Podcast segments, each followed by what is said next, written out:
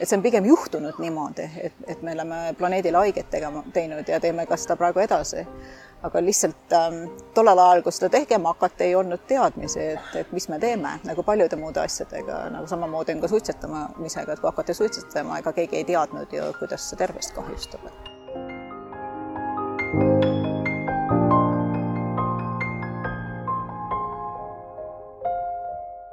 tervitused Cambridge'ist, Inglismaalt. minu nimi on Rainer Sterfeld ja te kuulate saatesarja Globaalsed eestlased, kus meie eesmärgiks on luua mälupilt sajast silmapaistvast Eesti inimesest üle maailma, üksteiselt õppida ning tuua meid teineteisele lähemale. on kuueteistkümnes juuli aastal kaks tuhat kakskümmend kaks ning mul on hea meel tutvustada meie tänast saatekülalist, kelleks on Annela Anger-Kraavi.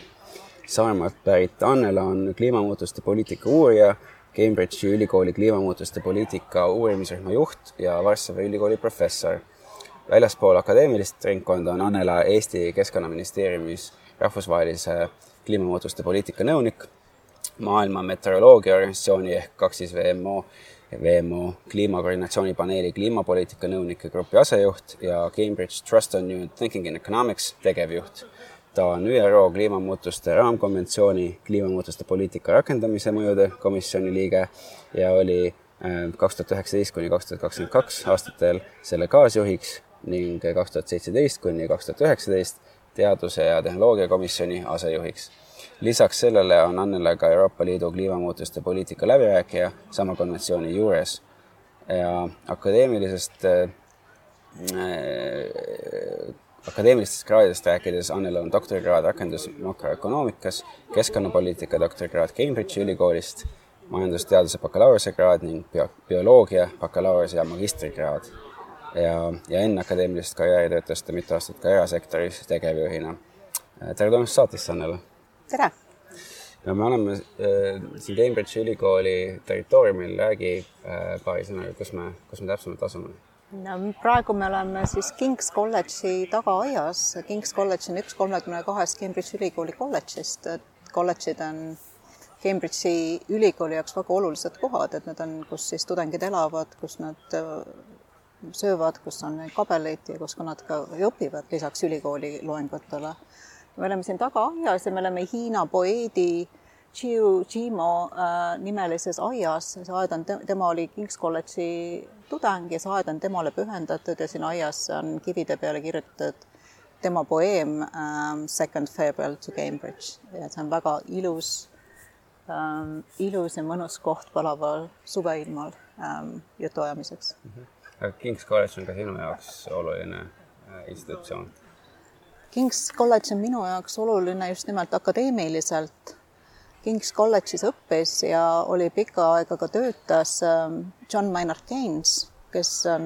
üks äh, maailmas ilmselt tuntumaid majandusteadlasi. Ähm, ja, ja tema teooriad on siiamaani ähm, kasutuses kuigi praegu ta jah, need Keynesi teooriad on siis ütleme vähemuses äh, äh, noh, nende järgijad on nagu vähemuses hetkel, kes puhast tema, tema te mõtteviisi teooriat järgivad. aga äh, Keynes töötas koos Sir Richard Stone'iga, kes on siis esimene majandusteadlane või esimene raamatupidaja, ütleme, kes sai Nobeli mälestuspreemia. ja tema siis Äh, arendas välja ähm, riigi, riigi, riigi nii-öelda riigiraamatu, raamatupidamine, siis double, double entry accounting. ja tema sai Nobeli preemia selle eest ja tema oli siis minu omaaegse doktoritöö äh,, äh, mitte doktori, minu aegse, minu omaaegse äh, doktoritöö juhendaja, doktoritöö juhendaja, nii et meil on siin otse siis neli, neli käepigistus või pigistuse kaugusel siis jah, et on selline otsene äh, jälgimine, otsene siis järgi ja ja ka samamoodi olen mina siiamaani majanduses ikkagi olen ähm, post, post-Keynesian nagu, nagu inglise keeles öeldakse, järgin siis seda Keynesi, Keynesi mõtteviisi ja teooriat, et. aga pärit sa oled üldse ju Saaremaalt, et võib-olla lähme kõige algusesse tagasi, et kirjelda seda keskkonda, milles, milles sa kasvasid ja mille, mis, kes ja mis sind enam nagu mõjutasid või vormisid et eh, jah, et ma olen tegelikult sündinud Kesk-Saaremaal äh,, pisikeses Eikla külas äh,, mida ilmselt suur osa kuulajad, millest pole kunagi keegi midagi kuulnud kus siis olid esimesed kümme aastat minu elust möödusid, siis ema ja isa kohtusid seal ja, ja, ja, ja ka töötasid mõlemad siis tollel ajal seal. ja seal ma käisin siis algkoolis ja, ja hiljem siis me kolisime Kuressaare külje alla äh, elama, et ähm, et noh, mis mind seal mõjutas, võib-olla siis ähm, eelkõige see, et ähm, et seal oli võimalus ise, ise ringi joosta palju ähm,, ise metsas käia, ise äh, koos loodusega olla ja ma arvan, lapsena looduses mängides, et see looduse armastus sealt nagu ta tegelikult mulle külge jäi, et ähm. kas äh, äh, keskkoolis sa käisid Kuressaares või? Jah, ma käisin Kuressaare teises keskkoolis. ja kui sa selle aja lõpetasid, siis mis, mis mõtted peas olid või mis valikud äh, olid? keskkoolis ma täpselt teadsin, kelleks ma saada tahan. et seal sai, keskkooli kõrvalt sai õpitud siis meditsiini, äh, meditsiini ja, ja ka siis hooldusõeks. ja kindel soov oli, me käisime iga esmaspäeval, käisime haiglas, Kuressaare haiglas käisime siis nii-öelda koolis õppimas. ja kindel soov oli arstiks saada. Aga, aga noh siis ähm, Kuressaares haiglas käies tuli ka lahkamistel käia, aga mul ei olnud häda midagi, seinad hakkasid liikuma. et, et siis, siis mingi aeg ma lihtsalt sain aru, et ma ei suuda tegelikult seda tööd teha, et ma ei suuda haiget teha ja ma ei noh, oma peas ei suuda nagu, on asju, millega ma ei suuda leppida, üks, üks, mis minu jaoks oli raske, oli surm mm. -hmm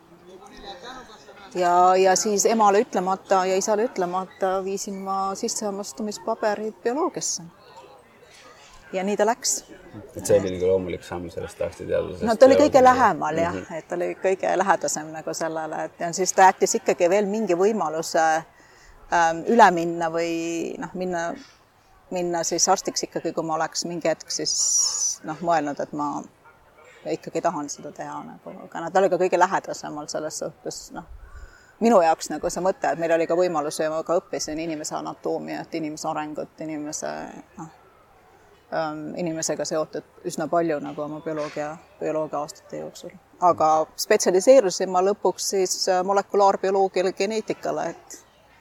äh, üks esimesed, kus seda hakati õppima ja noh, meie geneetika oli siis tollel ajal ikkagi väga-väga algeline võrreldes sellega, mis ta praegu on mm. -hmm jah, see on väga, väga kiiresti arenev valdkond. Äh, kuidas sa jõudsid bioloogiast ja riigimajanduseni ja, ja keskkonnapoliitikani? kui, kui bioloogiat õpitud sai, siis äh, noh, keskkond on osa, osa ja väga lähedaselt seotud, et seal ökoloogiad ja, ja kõik muu, mida tollel ajal ka õpitud sai. Ja mind nagu huvitas see ja huvitas see nii-öelda omavaheline suhe siis inimese ja looduse vahel ja siis juba ülikooli ajal siis ma tegin äh, ka, õppisin ärikorraldust, et kuna noh, siis oli kuidagi selline idee, et selle keskkonna poole saaks seostada looduse poole siis ka äritegemisega mingi hetk, et ja sealt tekkis siis, siis pärast äri, ärikorralduse lõpetamist tekkis ikkagi huvi, veel suurem huvi selle vastu, et kuidagi selle, mis neid ühendab siis nagu, et see selline nagu majandus ja keskkond, et kuidas nemad siis koos käivad ja kuidas majandus mõjutab keskkonda ja, ja, ja ka vastupidi, et ja, ja siis, siis ma läksin riigimajandust õppima ähm,, tollel ajal rahvamajandus äh, Tallinna Tehnikaülikoolis. sealt siis äh, tahtsin, läksin edasi magistrisse, tahtsin magistritööd juhendajat teha, tahtsingi kliimamuutustest ja majanduse seostest siis kliimamuutustele, et kuidas seda siis saaks ähm, nii-öelda mõjutada, et noh, kui kliimamuutuste äh, läbi majanduse, siis kuidas saaks äh, majandustegevuse vähendada siis mõjusid kliimamuutustele, et selline huvi tekkis Äh, eriti oli siis tollel ajal ka seotud Eesti Energia ja, ja just Eestis põlevkivi tootmisega. Aga Eestis ei olnud mul juhendajat, kui ma magistrikraadi alustasin ja siis soovitati, et võiks minna ja, ja otsida juhendaja välismaalt, et teha magistrikraadi siis edasi ja ka, et juhendaja oleks mulle välismaalt. Ja mina, mina selle peale ütlesin, et noh, et äh, kui ma juba juhendaja välismaalt otsima pean, et miks ma siis ei tee seda magistrit juba välismaal. Ja tegin avaldused siis Cambridge'i ülikooli keskkonnapoliitikat õppima ja, ja samamoodi äh, keskkonna, keskkonnamajandus siis Yorgi ülikooli äh, Inglismaal. Ähm, Inglismaa valisime Ameerika valisin sellepärast mitte Ameerika, et Inglismaa oli lähemal siis Eestile, et et see valik mõlemal kohal olid juhendajad olemas, mõlemal kohal võeti mind avasüli kiiresti vastu, aga noh, kuna Cambridge'i nimi on natuke edevam ja ikkagi noh, vist esimesest viiest me maailmas välja veel siiamaani kukkunud ei ole siis ülikoolina, siis, siis see tegelikult võitis, et noh, eks siin on natuke edevust ka, et ja, ja tulin ma siia siis jah, üheksaks kuuks, et oma magistrikraadi tegema. mitmes kuu läheb siis? Raske öelda, aga kaheksateistkümnes aasta läheb. Igaüks saab ise kuud kokku arvutada nüüd natuke vähem kui kümme aastat tagasi oli sul üks intervjuu kaks tuhat kolmteist, ütlesid, et, et sa pole kliimateadlane ega klimatoloog, vaid, vaid majandusteadlane, kes on lihtsalt spetsialiseerunud äh, äh, makro- ja riigimajanduse analüüsimisele ja, ja igal juhul oled sa üks äh, äh, kliimateemadega paremini kursis olevaid eestlaseid maailmas äh,. et äh,, et süvenedes nüüd sellesse nii-öelda sinu töö keskmesse võib-olla selgita palun lihtsalt oma sõnadega, kuidas oleme oma äh, planeedi mm, siis äh, sellisesse olukorda seadnud, et, et oleme inimeste elu ning bioloogilise mitmekesisuse tulevikku ohtu seadnud. jah, huvitav, et sa selle kaks tuhat kolmteist selle ütlemise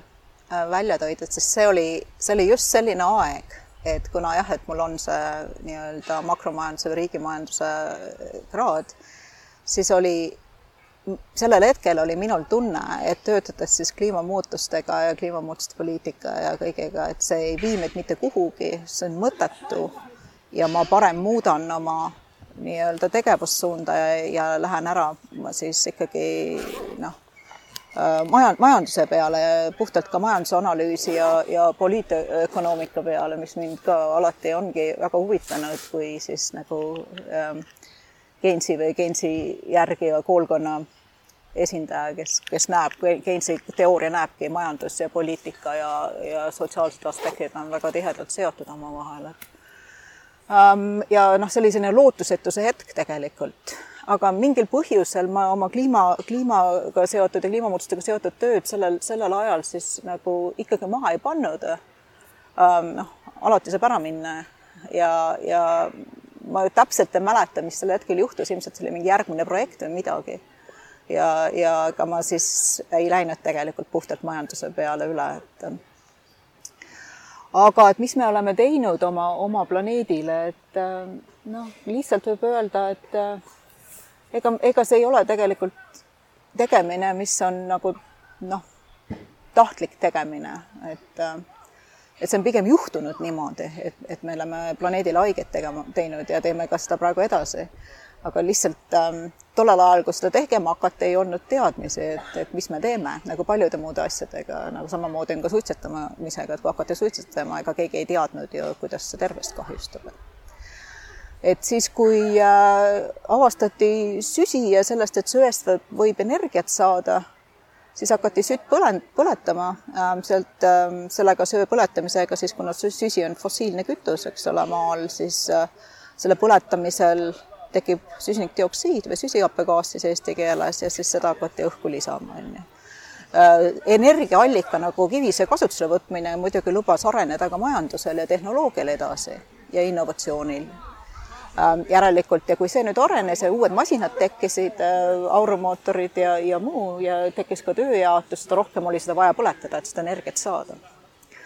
ja siis tuhat üheksasada kuus leitakse ka nafta ja siis on veel lihtsam seda põletada. ja saab veel paremat mootorit teha. aga juba kakssada aastat tagasi avastas siis Ameerika äh, naisteadlane äh, Eugene Foote, et äh, et on olemas selline asi nagu nii-öelda kasvuhooneefekt. ja nende küsimus oli see, noh, oli tegelikult, et äh, nad mõõtsid maa kaugust äh, päikesest ja, ja mõeldi, et noh, midagi on siin jube valesti, et noh, et arvestades, kui kaugel me päikesest oleme, et maa keskmine temperatuur aastaringselt peaks olema miinus kaheksateist kraadi. aga kuidas ta siis on niimoodi viisteist, kuusteist kraadi? Et midagi peab olema siin, mis äh, aitab seda kohta soojas hoida. ja siis tema leidiski ähm, selle, et, et äh, süsinikdioksiidi molekulidel on siis võime ähm, soojus, soojuskiirgust endasse võtta. päike soojendab maad, kiirgus pöördub sealt tagasi soojuskiirgusena, aga molekulid võtavad endasse ja lasevad uuesti öösel lahti. Et äh, selle soojuse ja, ja see ongi see, mis lubab üldse elul olla, et siin, siin saa selle planeedil üldse elu saab ollagi, et, et aga, aga nüüd, kui nüüd, kui nüüd need kaks juttu kokku panna, siis loogiliselt mõelda, kui me nüüd siis võtame ise maalt seda orgaanilist nii-öelda süsinikku välja, põletame seda lisame seda CO2 juurde, mis soojust kinni paneb, siis me hakkame seda süsteemi soojendama vaikselt. ja seda me hakkasimegi siis tegema koos tööstusrevolutsiooniga. Ja see on aina, aina nagu ähm, aina siis nagu rohkem on seda põletatud ja iga aasta need siis need kogused suurenevad ja üha rohkem me lisame siis äh, süsinikdioksiidi õhku juurde. see ei ole atmosfääri juurde, see ei ole ainuke kasvuhoonegaas muidugi, teisi on ka, aga ta on ikkagi põhiline, et kõige rohkem oleme me lisanud süsinikdioksiidi. et poolt, need on nüüd praegu poolteist korda rohkem õhus võrreldes siis tööstusrevolutsiooni eelse ajaga. et ähm, et siis äh, ja siis siin inglise leiutaja Kai Kallender eelmise sajandi alguses arvas, et see on jube pull asi, et jube hea tegelikult. et sellega me saame edasi lükata järgmise aja. et siis meil ei tule järgmist aega, et me hoiamegi siis planeedi soojas, et noh, et väga hea ja, ja sellel hetkel juba saadi aru, et me soojendame nagu. Ja, ja aga tuhat kuuekümnend, tuhande üheksasaja kuuekümnendal, seitsmekümnendal hakati nägema, et oota, päris nii hea see ka ei ole, et sellel asjal on tagajärjed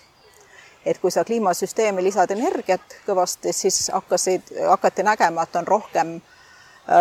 rohkem siis ähm, ekstreemseid siis ilmastikunähtusi nagu torme, üleujutsi, sademete režiim hakkas muutuma. Ja, ja siis viidi see kokku tegelikult, et see on selle energia lisam-, seotud energia lisamisega siis kliimasüsteemi ja praeguseks siis me oleme soojendanud seda kogu süsteemi kokku keskmiselt siis ühe koma, ühe koma ühe kraadi võrra, umbes natuke üle ühe koma ühe kraadi. noh, kui sa tahad seda nagu mõelda nagu, et ähm, et mis see üks kraad on, on ju, siis võib mõelda iseenda peale. kui sul on ikka normaalselt kolmkümmend kuus viis, ütleme, on see kehatemperatuur, pane üks kraad juurde, noh, siis enam hea olla ei ole. et see on sarnane, see on ka, kliimasüsteem on ka väga keeruline süsteem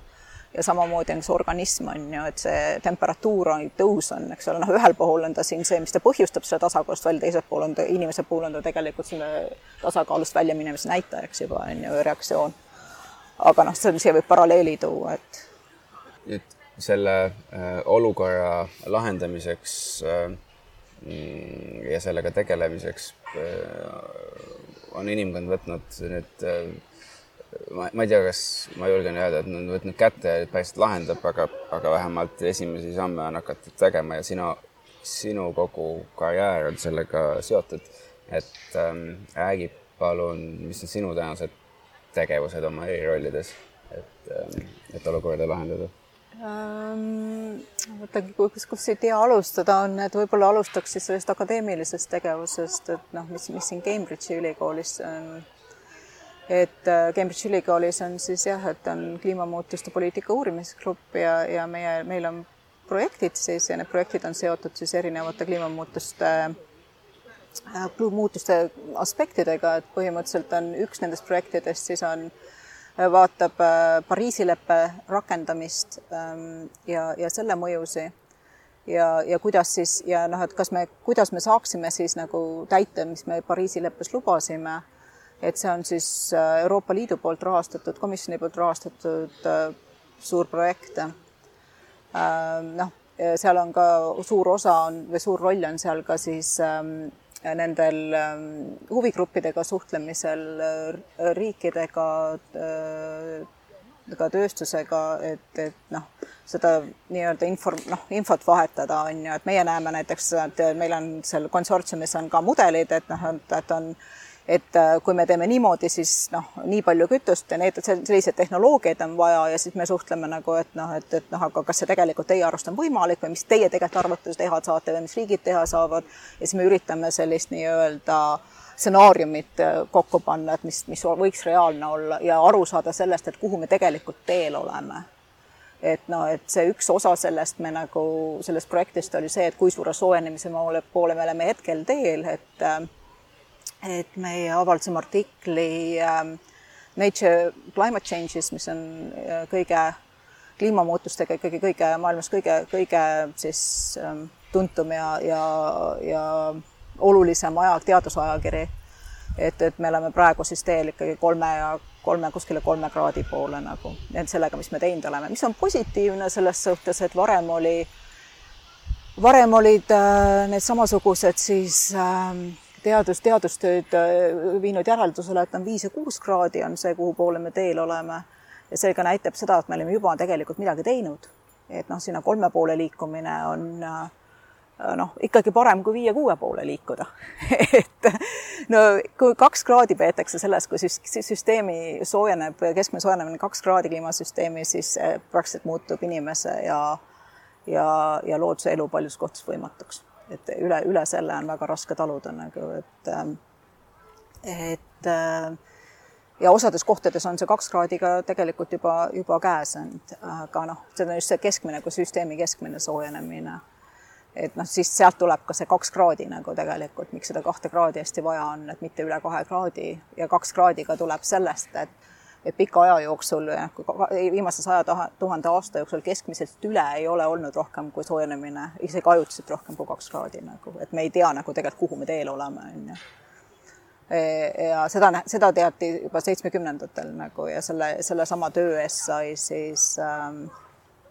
Nordhaus ähm, sai nüüd just hiljuti sai siis ka Nobeli ähm, äh, Rootsi riigi preemia, Rootsi Riigipanga majanduspreemia, mis on Nobeli mälestuseks, noh, see, seda muidu kutsutakse siis Nobeli majanduspreemiaks, kuigi ta ei ole Nobeli preemia tegelikult. et äh, see on üks projekt, teine projekt on, äh, millega me tegeleme, on äh, Ida, Ida-Virumaa, Ida-Virumaa õiglane üleminek ähm, see on jälle Euroopa Liidu poolt rahastatud projekt ja, ja vaatame, seal on ka teised regioonid sees, mitte ainult Ida-Virumaa, et samamoodi on äh, Rheinisch regioon Saksamaalt äh,, Katowice või Silesia siis äh, Poolast äh,, Põhja, Põhja-Makedoonia, ei, Lääne-Makedoonia, andsin sassi et on äh, need teised regioonid siis äh, ka samamoodi projektis, kus me saame siis nagu vaadata, et kuidas see üleminek võiks toimuda, osades nendes on juba toimunud, osades on toimumas. Ja meie poolt, mida me eriti teha tahame, on, on rääkida, äh, rääkida kaevuritega, rääkida nende perega, peredega, et kuidas, kuidas nemad näevad oma tulevikku ja sellest aru saada, kuidas see neid mõjutama hakkab. Et ja, ja ka samamoodi, et mis oleks, mida nad näevad oma elus siis alternatiivina. Ähm, et, et see on see selline noh, ähm, rohkem sellise õiglase üleminekuga seotud projekt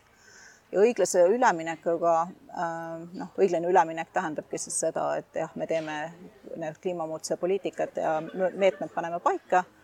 aga samal, kui me nüüd teeme, ütleme, et jäta, loobume äh, põlevkivi kasutamisest Ida-Virumaal, siis keegi tegelikult ei tohiks kannatada selle pärast.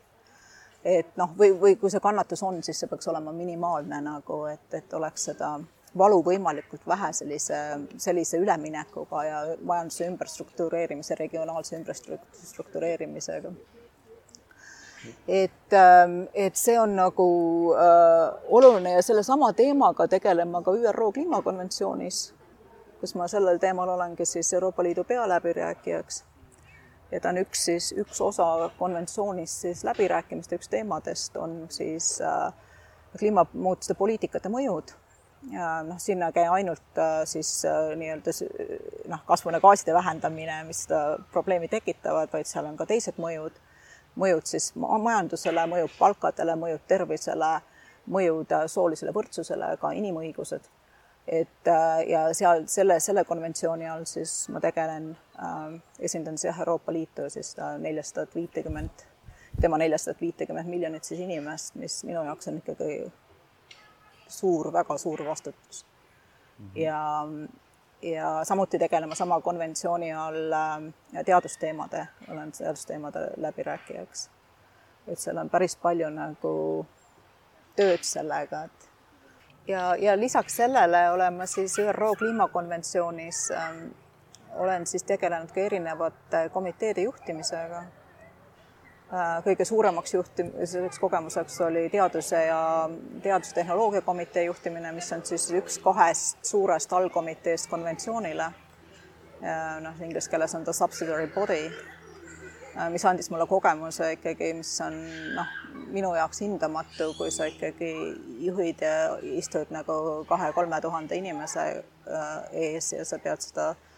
noh, asejuhina ma pidin üle võtma juhilt, kui oli vaja selle juhtimise ikka see on ikka noh, väga minu jaoks väga oluline kogemus olnud ja väga, väga siis ka suur au. noh, seal on siis kõik konventsiooni osapooled, see on sada üheksakümmend seitse riiki, on sul saalis on ju ikkagi noh, väga minu jaoks väga aust-, aus, auväärne ja, ja tegeleda kogu selle asja juhtimisega siis enamus töö on ikkagi, ei saa istu inimeste ees, enamus töö, kuidas see, kuidas need läbirääkimised toimuvad, kuidas ise see komitee töötab, et see kõik on ju te tegelikult äh, tehakse kontorites, kontoriruumides ja tagapool, et selle, olla selle osa on olnud ta väga, väga nagu ilus kogemus ja väga tore kogemus ja väga palju huvitavaid inimesi äh,, inimestega on saadud seal kohtuda ja ja samamoodi ma olin ka kaasjuhiks siis selle majanduslike mõjude, mitte majandusliku, vaid kliimamuutuspoliitikate mõjude, selle jalajälgmajanduslike mõjude selle komitee kaas, kaasjuhiks,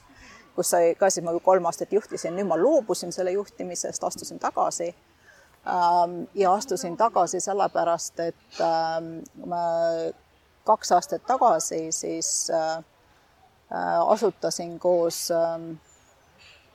koos kolleegiga Malawist, Malawist ja, ja Argentiinast ühe kolleegiga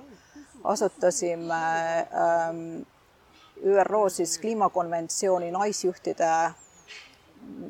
noh, sellise ühenduse või grupi, et sellise tugi, tugigrupi, et me saame nagu üksteist toetada. Ja selle võrgustiku siis ähm, asutamine oli siis ametlikult äh, siis, kui oli Tšiili eesistumine kaks tuhat üheksateist ja nüüd pärast Covidit siis äh, eelmine aasta, kui oli konventsioonil ähm, Ühendkuningriikide ähm, eesistumine või nemad siis juhtisid konventsiooni tegevust, siis, siis ta uuesti nii-öelda taasasustati, asutati, sellepärast et vahepeal jäi kaks aastat nagu sellist tühja maad, kus me ei kohtunud äh, füüsiliselt ja just, ja et sellele tegevusele oleks rohkem aega, et, et siis ma loobusin selle kaasjuhi kohast. ja oluline on see tegevus selle jaoks, et siiamaani nais, naised äh, kuidagi ei, ei taha ka endale mitte see, et neid ei noh, ainult, et neid ei kutsuta neid juhtima, neid äh, organisatsioone, vaid nad ka ei taha seda teha nagu. et, et oleks olemas selline tugikoht, et sa saad tulla äh,, rääkida ja keegi aitab sind et noh, selline ametlikku sellist tuge konventsioonis ei ole, noh, et, et nendele, kes võtavad juhtimiskoha, et eeldatakse, et sa noh, õpid, õpid äh, tegemise käigus. ja, ja ka kogemuste vahetamiseks ja samamoodi, et kui on teada, et on selline võrgustik äh, olemas, et siis ka need, kes nagu tulevikus või tahaksid, siis need, nemad on ka teretulnud ja, ja siis nad saavad nagu noh, enne juba, kui nad otsustavad, saavad ka rääkida, et kuidas see on, et kui hirmus see on, on ju, kui raske see on ja, ja siis, ähm, ja siis nad saavad nagu noh, võib-olla selle toe ja julguse, et, äh, et, et minna ja võtta ka siis mõne sellise allorganisatsiooni juhtimine enda, enda, enda kanda. Ja noh, ja seda organisatsiooni me oleme ka maailmas tutvustanud, et äh, Ladina-Ameerika keskkonnaministrid kutsusid mind rääkima ähm, sellest ähm,, et sellest, sellest võrgustikust ja, ja seda noh, üle, üle maailma ikkagi peetakse seda praegu noh, oluliseks sammuks just sellega, et, et, et rohkem naisi kaasata äh, konventsiooni juhtimisse. lisaks äh, nendele eelmainitud projektidele sa ju, äh, nagu mina olen siit välja uurinud, et, et sa osalenud huvitavatel ekspeditsioonidel Arktikas näiteks või, või Ida-Gröönimaal, et äh, mis, mis oli nende eesmärk ja, ja sinu roll? Äh, Arktika reis oli eelmine aasta. Ähm, ja siis see oli osa siis ähm, Bellingshauseni ekspeditsioonist Arktikasse, see küll oli selline väiksem ja lühendatum versioon, kui ta alguses plaanitud oli. ja mul oli siis õnn seal kaasa sõita kolm nädalat just nimelt Ida-Gröönimaal. ja, ja, ja kliima, kliimamuutustega tegeleva teadlasena minu jaoks oli väga noh, ma ei saa öelda, et see oli väga huvitav, noh. ma tahtsin näha seda, mis tegelikult toimub, aga, aga see pilt ei olnud tegelikult noh, ilus. et ikkagi, kui sa kaardilt vaatad, et sul on, kuskil peab olema liustik ja seda liustikku enam ei ole, kui sa räägid inuiitidega, et, et mis on muutunud, kuidas ei ole jääd, kuidas, kuidas jääkarud tulevad küladesse süüa otsima, sest merejää on kadunud, nad ei saa sealt omale süüa püüda jäätükkide pealt ja kuidas nende dieet muutub ja kuidas see jälle mõjutab, mida inimesed söövad ja, ja, ja ja kõik see nagu, et ähm, noh, samas oli hea seda näha, on ju, ise. Ja ma arvan, et inimesed peaks nagu nägema, et siis nad saavad aru, mis toimub, et noh, Eestis tihtipeale öeldakse, et oi, et noh, kliimamuutused ei ole olemas, sest me tegelikult ei tunne, noh, et võib-olla jah, et on rohkem selliseid vesiseid talvi ja, ja aga samas on, on soojemaid ja ilusamaid suvesi, noh, et äh, pole ju häda midagi tegelikult, nagu polekski häda midagi. aga kui sa ikkagi juba näed, et noh, Arktikas on äh,, on soojenemine üle kahe kraadi, et, et kuskile sinna kolme alla ja nendel need mõjud on nagu ikkagi päris tõsised ja esimest korda siis, kui me seal olime, siis paar päeva pärast seda, kui mina lahkusin, sadas äh, vihma äh, siis Gröönimaa kohal ja kolme tuhande, kolme tuhande meetri kõrgusel ähm, sellist asja ei ole mitte kunagi olnud äh,, ei ole kunagi äh, täheldatud ega nähtud, seda ma ei saa öelda, et kunagi olnud ei ole, aga noh, inimesed ei ole kuna, kunagi kirja pannud ega kunagi ei ole sellist asja nähtud. et selle jääkihi kohal on vihm. et äh, ja, ja siis oli seal kuumalaine ja mul on omalgi pilte, kus ma olen siis laeva pardal, olen kas siis T-särgis või siis olen paljajalu sees on laeva pardal, noh, mida see Arktikas tegelikult noh, mida ei tohiks tegelikult olla. et aga kuumalained olid siis täpselt sellel ajal olid ja Arktika kuumalained, merekuumalained on ikkagi sagenenud ja, ja, ja, ja sagenevad veelgi ja noh, siin homme-ülehomme on ka Cambridge'is oodata siis rekordilisi temperatuure, et jah, et et ähm, ja see paraku on see, mis meid ees ootab ja noh, üks asi on see, et ähm, kui see praeguse kliimasüsteemi soojenemine on üks koma üks kraadi, kui me ära lõpetame äh, siis fossiilsetest kütustest tulenevate kasvuhoonegaaside lisamise õhku, mis siis seda süsteemi edasi soojendavad, kui me lõpetaks need praegu ära, siis süsteem ikkagi kogu sellest inertsist soojeneks ühe ja poole kraadini. nii et seda, et neid kuumalaineid vähemaks jääb, seda ei ole loota see on ainuke asi, et me peame nüüd mõtlema, on ju, et kui noh, üks pool on, et sa vähendad neid kliimamuutusi, et nad rohkem ei tekiks neid juurde, sellega, et sellega, et sa vähendad äh, fossiilsete kütuste põletamist, on ju, noh, siis needsamad, mis siis on siis kivisüsi, põlevkivi, äh, maagaas, ähm, nafta, et need, mis ongi tegelikult orgaaniline aine maal olev kaua olnud süsinik, et sa seda rohkem süsinikku ringlusse juurde ei lisa, see on üks asi, teine asi, kui need mõjud käes on, siis nendega tuleb kohaneda ja me peame tõsiselt mõtlema nagu, et noh, see, need mõjud on ikkagi iga, iga aastaga nagu järjest nagu rohkem nähtavad, et kuidas me toime tuleme. et kuidas ei noh, et otseselt on, on nendega on iga aasta on ikkagi seotud suur number ähm,. noh, nii kurb, kui see ei ole, aga suur number surmasi, eks ole et need numbrid on erinevate teadustööde asemel erinevad, aga, aga noh, me räägime ikkagi vähemalt siin veerand, veerand miljon on iga aasta nagu Ähm, Põhjamaades vähem, aga just arenenud maades ja noh, numbreid on ka viimastes teadustöödes, et ikkagi see number võib olla kuskil miljoni üle ringi. ja need, need suurenevad ja noh, et ja palju sellest on äh, näiteks siin põhja pool on suur osa nendest surmadest on äh, seotud just nimelt kuumalainetega ja vanemate inimestega et noh, et kuidas me siis kohaneme, kuidas me reageerime, noh, äh, siin on ka praegu siis korral välja kuulutatud hädaolukord seoses sellega, noh, äh, palutakse inimestel varjus olla, äh, mainitakse, et tuleks palju vett juua, on ju, ja, ja tööandjad ka teavad siis, et, et, et vastavaid meetmeid võtta siis, et ei sunnita inimesi neljakümne või üle neljakümne kraadise temperatuuriga väljas, väljas tööle, et noh. ühistransport pannakse seisma. jah, noh, kõike. et selleks ajaks, kui see saade on, on väljas, on see juba selja taga. ja, ja, ja, ja üldiselt jah, inimesed, äh, inimese aju üldse on väga halb eksponentsiaalse funktsiooniga toimetulemiseks, et äh, et just äh, täna hommikul ma nägin ühte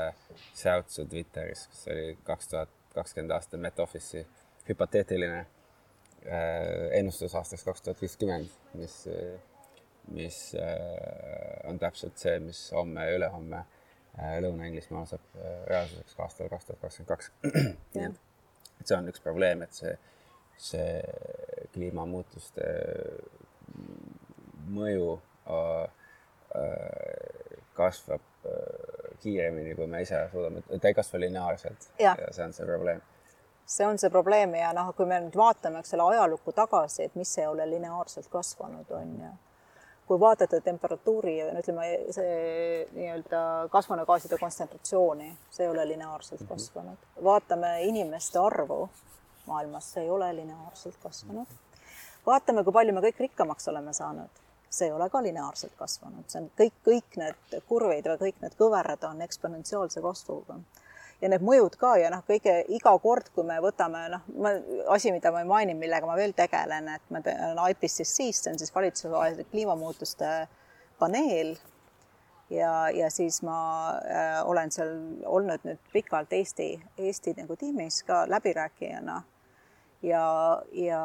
siis ähm, iga kord, kui me võtame uue raporti vastu, sa noh, noh, ikka loodad, on ju, teadlasena, et noh, et võib-olla läks midagi valesti, on ju, et nüüd on nats parem, on ju, see uus teadustöö, et noh, et meil on paremad tehnoloogiad, meil on paremad mudelid, meil on paremad arvutid, meil on paremad andmed. et äkki ikkagi noh, me varem eksisime, aga täpselt, mis juhtub iga kord, on täpselt vastupidi, on hullem. noh, ja et mida rohkem me teada saame, mida rohkem täpsemad andmed, mida paremad nagu arvutusvõimalused, seda me näeme, et kogu aeg läheb hullemaks mm. -hmm ja, ja, ja seda, mis ütleb meile, et noh, et seda, mida me enne nagu arvasime, et mis juhtub, et see juhtub pidevalt nagu noh, tegelikult juhtub, need mõjud on tegelikult palju suuremad, kui me enne arvasime mm. -hmm. see, mul on hea meel, et sa seda mainisid, sest et, et see oli ka üks asi, millest ma tahtsin rääkida, et äh, sellest kognitiivsest dissonantsist äh, empiiriliste andmete et, miks ei käi empiirilised andmed ja otsused alati käsikäes, et noh, et, et see taust on siis see, et inimkond on kolmekümne, viimase kolmekümne aasta jooksul arendanud suuremahulise ütleme, andorite võrgustiku ja arvutusvõimsuse, et me mõistame tegelikult planeedil toimuvaid protsesse, aga samas ei ole empiirilised andmed otsustamist lihtsamaks teinud, et vaidleme ikka komakohtade üle ja samas suur pilt on justkui selge, aga um,? see on, see on hästi-hästi hea küsimus, on ju, et noh, kuna mul on selline ütleme, harukordne juhus, et ma olen nagu mõlemas, ma ei tea, kuidas seda öelda, mõle, mõle, mõle, mõlemal poolel nagu tegev nii, nii teaduse kui ka siis ähm, selle nii-öelda poliitika kujundamise protsessi, protsessi poole pealt, et miks, miks nagu, et noh, et kui meil on rohkem andmeid, me teame rohkem, meil on selgem, miks me ei tee kiiremini, miks me ei liigu kiiremini poliitikaga ja, ja miks me ei tee midagi, eks ole ähm,. et ähm, noh, kliimakonventsioon on siis ähm, jah, aasta on praegu kaks tuhat kakskümmend kaks ja ja, ja siis ametlikuks aastaks sellele aastanumbriks konventsioonile on tuhat üheksasada üheksakümmend kaks, et see on kolmkümmend aastat. Ja kui siis vaadata neid andmeid, siis ega meie emissioonid ei ole vähenenud nüüd nii palju, kui me teame, et viimase kümne jooksul, aasta jooksul see kasvukiirus vähenes, aga ikkagi iga aasta emissioonid suurenesid, aga natuke aeglasemalt kui, kui kümme aastat enne seda. et noh, see näitab seda, eks ole, et noh, me teame rohkem, aga me ei tee, miks me ei liigu ähm, noh, seal on mit-, mitmed asjad on, noh näiteks kui poliitika poole pealt või siis selle konventsiooni poole pealt seda vaadata või siis äh, on riikide huvid, mis on kindlasti nagu olulised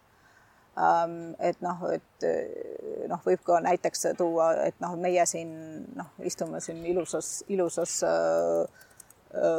Cambridge'i aias, vaatame imeilusaid ähm, ehitisi, ilusad inimesed rahulikult jalutavad, noh, on selline mõnus noh, arenenud ikkagi riik, kus on kõigil hea olla, noh, seda selgelt näha. Aga arenguriigid ei ole sellist elu näinud, nemad tahavad ju ka elada nii nagu noh meie siin elame ja, ja, ja siis, aga kui siis neile öelda, et okei okay,, et noh, aga seda energiat, mis on nüüd, et sõna sa ei tohi nagu kasutada, et sa pead midagi muud nüüd tegema. et sa pead selle asemel, et nagu oma naftamaardlat kasutada, sa pead võtma kasutusele päikese- ja tuuleenergia, mis on kordades kallim, on ju. Et, et, et siis tekib see küsimus, et aga miks sa siis seda tegid minevikus ja mina nüüd ei tohi, on ju ja siis tekibki kogu see vaidlus, et kes siis peaks keda, kellele raha andma, kes siis mida tegema peaks, kes, kelle süü on isegi selleni välja, et on siis selline näpuga näitamised on ju noh, et kelle süü see on, kus me oleme.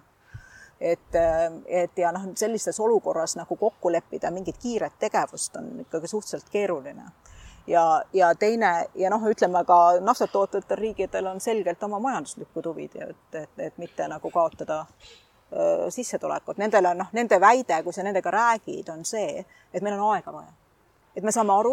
me täielikult saame aru, et me peame loobuma fossiilsete kütuste kasutamisest ja et me ei saa neid enam, eks ole, vähemalt põletada me ei saa, on ju, aga meil on lihtsalt aega vaja, et oma majandus ümber nagu kujundada, ümber struktureerida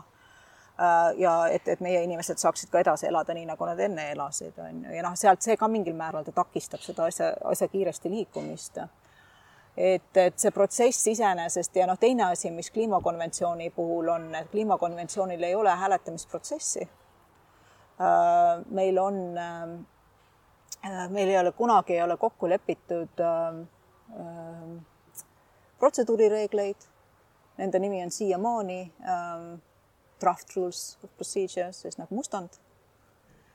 kuna ei ole kunagi suudetud kokku leppida hääletamisreeglites ja see tähendab seda, et konventsioon töötab konsensuse põhimõttel ja kui üks asi töötab, töötab konsensuse põhimõttel, siis ta alati töötab miinimumkonsensusel. see on see siis, just millega kõik rahul on, nii palju sa saad edasi astuda. ja see on ka üks takistus, miks ta noh, oleks meil ütleme siin, kas see on siis ütleme mingi enamushääled või teatud on ju, siis me saaks kiiremini liikuda. Aga põhimõtteliselt, kui seal on ikkagi olukord, kus sul saab üks-kaks riiki saab asja nagu noh, hoida kinni sellepärast et nad ei ole nõus, siis äh, noh, siis see protsess tegelikult liigub äh, aeglasti. teine asi on, on inimeste poole pealt, miks asi ei liigu, et äh, noh, järjest rohkem noh, mida siiamaani on palju ignoreeritud, on see, et noh, inimese käitumine ja inimese enda, enda tegemised et kogu fookus ja suur osa teadusraha läks alati nagu tehnoloogiate arendamisse et noh, neid tehnoloogiaid on, on ju, aga noh, aga väga vähe pöörati tähelepanu seda, et kuidas inimene oma, ise oma käitumisega saaks seda muuta. nüüd on jõutud nagu selleni, et selle arusaamine, selle jaoks on raha vaja, äh, sellise uurimistööde jaoks, et kuidas me saaks inimese käitumist muuta, et kuidas ta saaks leppida siis sellega, et ta elab vähemaga näiteks või et ta noh, vahetab, eks ole, ma ei tea, sõiduauto ühistranspordi vastu, et kuidas, kuidas me nagu saame selle ja kuidas nagu sellest unistusest, et mida rikkam, mida rohkem, seda parem, et kuidas see siis nagu ümber muuta, see on hästi keeruline, sest me kõik kasvame üles üles ju muinasjuttudega ja see muinasjutu põhiline süžee või noh, kui hakkame mõtlema tagasi nagu tuhkatriinude ja, ja peale, siis see on vaene tüdruk, eks ole, kes siis abiellub rikka printsiga ja see on noh, kogu see noh, unistuste maailm, eks ole, et ja siis tal on hästi palju kõike. et ähm, aga kuidas viia see ühiskond, et tegelikult meil ei ole vaja, et tegelikult on teised väärtused ja see on see väärtuste muutumine. Ja nüüd on noh, ka praegu nüüd just, just hakkab jõudma näiteks ka selleni, et Euroopa Liidu poolt rahastatakse äh, Äh, kujutava kunsti ja, ja, ja, ja ka siis meedia poole pealt ja selliseid projekte. Nii-öelda siis ähm, noh, kunst, kunst, kunstil põhinevad teadused, kuidas siis nagu visuaalne kunst, äh, kuidas meedia, kuidas noh, uus meedia, sotsiaalmeedia, et kuidas nagu see, selle kaudu siis saaks muuta seda nagu noh, arusaamist ja IPCC nüüd see valitsuse vaheline kliimamuutuste Äh, paneel, siis nende viimane raport ähm, toob välja siis, et kahe tuhande viiekümnendaks aastaks käitumise muutumisega me suudaksime tegelikult äh, vähendada nelikümmend kuni viiskümmend protsenti siis emissioone. Ähm, see on esimest korda, ma mäletan, kui meil oli äh, ühe ja poole kraadi raporti vastuvõtmine paar aastat tagasi, siis olin mina just see tüütu tegelane, kes teadlastelt küsis, et aga noh, kui palju sellest on käitumisest. ja nende vastus oli, et ma ei oska öelda et nüüd nad lõpuks siis on nagu jõudnud selleni, et nad ka vaatasid seda, on ju, ka nende raportite jaoks. Ja muidugi sealt, kui käitumine muutub, siis see mõjutab tootmist ja nii edasi nagu, et, et ähm, noh, et kui seal ikkagi nõudlus kaob teatud asjade järgi ära, siis, siis sul ei ole enam midagi müüa, on ju, et noh, et noh, see on, see ei oleks ta nagu ta ei ole lihtne probleem, noh, et sellepärast ongi, et, et ta on tihtipeale seda kliimaprobleemi, selle lahendamist ongi kutsutud nagu, nagu noh, wicked problems, ma ei tea, mis selle eesti keeles on, aga noh, et. no see, siin on ka see huvitav küsimus, mida ma tahaks küsida, et mm, on äh, mitmeid asju, mida saab äh, teha riik poliitikakujundajana, äh, mida saavad teha riikideülesed organisatsioonid. on asju, mida saavad teha ettevõtted ja on asjad, asju, mida saavad teha inimesed, üksikisikud mm. -hmm. et igal, igal äh,, igal äh, nendel, nende, igal instantsil on oma, oma piirid, üksikisikul on oma piirid, ütleme leibkonnal on oma piirid, ettevõttel ja riigil ja üleilmselt, et, et kõik ju tegelikult peavad midagi tegema. eks isegi saa teha seda, mida ettevõte ja riik saab teha ja, ja loomulikult ettevõte ja riik saab mõjutada üksikisikut, aga mitte ka lõpuni välja ja üksikisik saab mõjutada vastu nii riiki ja, kui ka ettevõtjat, et aga noh, seal on, seal on see, et noh, neid asju peaks tegelikult nägema, neid erinevate tasandite mm -hmm. asju peaks koos vaatama mm. -hmm. no näiteks, et kui ütleme nagu, et mina tahan äh, loobun oma autost, noh, minul ei olegi autot tegelikult, et, et siis äh, aga, ja tahan kasutama hakata ühistransporti. aga kui minu külas ei ole ühistransporti, noh, siis vot see on riigi roll, riigi roll on võimaldaja sealjuures, et noh, riik, riik peakski nägema ennast noh, mingil määral, et noh, et ta annab, tekitab inimesele selle võim, valikuvõimaluse ja veel parem, kui see valik oleks nagu noh, vaatad, et see tundub, oo, see on ju palju mugavam, on ju, et ma saan istuda seal, ma saan teha nagu noh, ma ei tea, tööd, siin ma lähen eh, Cambridge'ist lähen Londonisse rongiga, ma saan rongi peal tööd teha. ja, ja väga mugav ja ma ei kujutaks ette, et ma peaksin autoga sõitma, see on keeruline, see on nagu noh, ma ei tea, seal on liiklusummikud, kõik, siin istud lihtsalt rongi peale, viiskümmend minutit, natuke rohkem, viiskümmend minutit Londonis mm, -hmm. astud välja kesklinnas, samamoodi kui ma Brüsselis käin, siis ma lähen siit Brüsselist uksest ukseni, mul on neli tundi. noh ma lähen siit rongi peale, ma lähen äh, Londonisse, Londonis ma jalutan kõrval olevasse raudteejaama, kus läheb Eurostar ja, ja kus ma siis olen nagu ähm,, läheb natuke üle kahe tunni, olen Brüsselis kesklinnas. Mul ei ole ei lennujaamas ootamist ega mitte midagi, see on niivõrd mugav, et ma ei kujutagi ette, kuidas teisiti nagu noh, minna Brüsselisse ja Pariisi. liikuv maja mm?. liikuv maja. jah. teed tööd ja? jah ja., sa teed tööd, sul on internet seal, sul on noh sul on kõik olemas nagu ja noh, mugav on. jah, sa ei pea ise roolima midagi, ei pea vaatama, kes kuskilt tuleb, on ju noh, et kõik sellised asjad, et noh. ma ennist unustasin küsida, et sul on, sul on äh, üks, üks plaan veel äh, projekt, projekt äh, nagu me siin ennem rääkisime, et, et et meil on kõigil nagu hunt kriimsilm, et meil on mitu ametit, et sul on plaan teha üks film ähm, Fidžil jah, no siin on nagu jah, et ei taha ära sõnuda, on ju, et ähm, ja see töö käib praegu, et jah, et ähm, et äh, selline tekkis, tekkis selline mõte kunagi ammu ja see on ka suhteliselt on ta seotud ka selle mingil määral selle Arktika reisiga. Ähm, et ja sellega, mis seal nähtud oli, on ju, nähta, näha sai nagu seda kliimamuutuste mõjusid ja pärast seda sai paar lugu tehtud või noh, paar intervjuud antud, kus siis ma ka ütlesin, et noh, et, et ei ole ainult seal see olukord hull on ju Arktikas, vaid on ka kliimamuutuse mõjud on ka selgelt, väga selgelt nähtavad Vaikse ookeani saartel kus osa, osa saari äh, juba jäävad vee alla ja noh, nende jaoks on see, et kui me räägime kahekraadist, kraadisest temperatuur, kliimasüsteemi temperatuuri tõusust, siis nende jaoks see tähendab, et enamik nende saari ongi vee all, kuna need on hästi madalad saared, korallirahudele tekkinud saared. Ähm,, siis nende jaoks on poolteist kraadi on see, mida nad nagu enam-vähem suudavad, suudaksid noh, praktiliselt, mis on käes juba nagu, millega nad suudaksid toime saada ja siis selle peale tekkis ka nagu Eesti meedias reaktsioon, et nagu, et mina valetan, on ju, ja noh, nagunii, et kui on tihtipeale räägitud, et siis, et see on väljamõeldis. Ja, ja, ja siis ähm, ähm, meil tekkiski siis äh, mõte siin ühe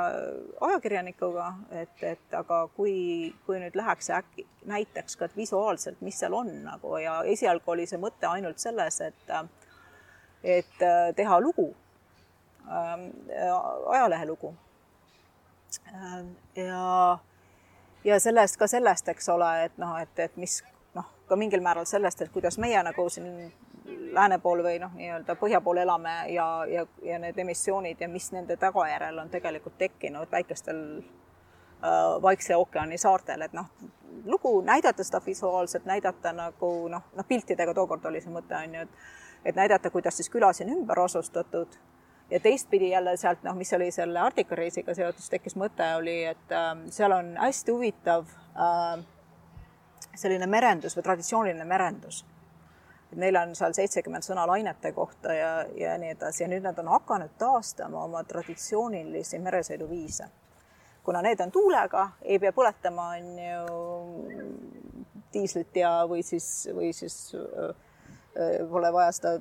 väga saastavat laevakütust. ja, ja nad taastavad neid nüüd ja et, et see oleks ka maru huvitav seda näha, on ju, ja sellest rääkida aga siis tekkis sinna otsa mõte, et aga kui me juba sellise teekonna ette võtame ja kogu see kliimajalajälg ja nii edasi, aga et miks me siis, miks me siis seda ei näita pildina? ja noh, nii see idee sündis, see on praegu nii-öelda work in progress, et noh, et kas sellest midagi lõpuks ka välja tuleb, on ju, see me ei tea, aga, aga vähemalt sinna, sinna suunas me praegu töötame. et, et me saaksime näidata ka Eesti siis, Eesti, Eesti vaatajale seda, et, et mis juba tegelikult toimuvad on, kuidas need mõjud on noh, mis on juba silmaga tegelikult näha olnud, mida sa Eestis ei tunne ega näe veel, et, et noh, see mõte, aga noh, ma ütlen, et noh, pöidlab pihku, et see, ma väga tahaks, et sellesse korda läheks ja sealt välja, sellest midagi välja tuleks, et aga noh, see ettevalmistus praegu käib jah, et mm -hmm. et loode, loodetavasti me saame ka siis näidata rohkem Eesti inimesele nagu ja rääkida äh, sellest juba, mis juba on juhtunud mm. -hmm. no kui me Eestist äh, räägime, siis, siis Äh, loomulikult me oleme väike riik. Ähm, äh, aga mida peaks ja saaks Eesti teha, et meie, meie enda elu kodu-Eestis oleks, oleks kestlikum? vot see on hea küsimus jälle ähm,. et siit Cambridge'ist on nagu raske nagu Eestisse mõelda ennast praegu, aga, aga noh ähm,, Eestis tegelikult ütleme ausalt on ju, et noh, kui ma vaatan paljud maal elavad inimesed ja, ja noh, tegelikult see elu ongi selline. et ta ei ole, ei ole nagu noh, väga, väga nii-öelda äh, kliimamuutuste mõjutav äh,. eriti nagu ütleme, seal vanad, vanad talumajad, kus siis oma, oma äh, küttepuudega köetakse ja, ja kõik see on ju, et ei ole et ta ei ole nagu ja kus käiakse siis rattaga külapoes, et siis et noh, see ongi tegelikult see elu, mis on kliimasõbralik, on ju. ja et ja käid korjad oma marjad metsa alt ja noh, see on, see on väga-väga kliimasõbralik elu, et noh um,. et noh, ütleme ka see, et nagu ma enne ütlesin, et on hästi oluline see, et mis me teeme, et me ei paneks kedagi lihtsalt kannatama, ja noh, mis meie põhimure on tegelikult, on see põlevkivi energia, põlevkivi põletamine, noh, see on suhteliselt ikkagi suure Ähm, noh, süsiniku, süsiniku jalajäljega, et noh, et sellest on vaja loobuda, aga noh, sellest loobumiseks peab ka, sellest peab olema väga ettevaatlik, seda tuleb teha, absoluutselt ei ole küsimust, et sellest tuleb ära minna, aga jällegi ei saa teha seda enne, kui ei ole alternatiivi, nagu ma enne ütlesin, et kui sa võtad, et ähm, et ma tahan autost loobuda, siis sul peab olema see alternatiiv olemas, et sa ikkagi tööle, kooli ja lasteaeda saad, on ju. Et kui seda alternatiivi ei ole, siis, siis tekib, mis tekib, on, on kõrged energiahinnad ja, ja, ja, ja mõju siis nagu tugev mõju siis nii, nii, nii inimestele kui ka siis ettevõtetele, et, et noh, et sellega peab arvestama tegelikult, et noh, ja mina olen just nimelt see inimene, kes tegelikult tahaks, et see oleks kohe nullis, aga ma täiesti saan ka mõistusega aru, et, et, et, et iga asi tuleb hoolikalt, hoolikalt läbi mõelda ja, ja, ja enne kui seda tehakse, et, et ähm, et ja jah, just nimelt, et see alternatiivse energia nagu otsimine noh ähm, ütleme ausalt praegu, eks ole, et noh, et selliseid tuuleparke asju, mida meil Eestit ära katta vaja oleks, et seda meil ei ole, on ju. ei ole ka päikesepaneele piisavalt, et Eestit ära katta. Põhjamaades on nüüd esinenud kuivemaid suvesi, kus siis tuleb ka hüdroenergia vähesus, on äh, minu viimast teadmist mööda ka Inglismaa vedas omale kaabli Põhja-Skandinaaviasse. sealt tekib veel nõudlus juurde. Neid, äh, eelmine suvi oli hästi huvitav näide, kui oli tuuletu ja põuane. Ei ole sul tuuleenergiat, ei ole sul äh, hüdroenergiat, salvestustehnoloogiad on lapsekingades enam-vähem. Ähm, noh, ja, ja samal ajal pani siis äh, Holland-Taani gaasimaardlad kinni. noh, ja kus sa näed, kus paneb hind paneb, loomulikult hind läheb lakke kohe nagu, et noh, aga see oli nii-öelda noh, nagu inglased ütlevad, perfect storm nagu, mis juhtus. Ja ka väga hea õppetund minu arust, sest selle peale ju keegi ei mõelnud, et, et sellised asjad võivad juhtuda ja kõik koos.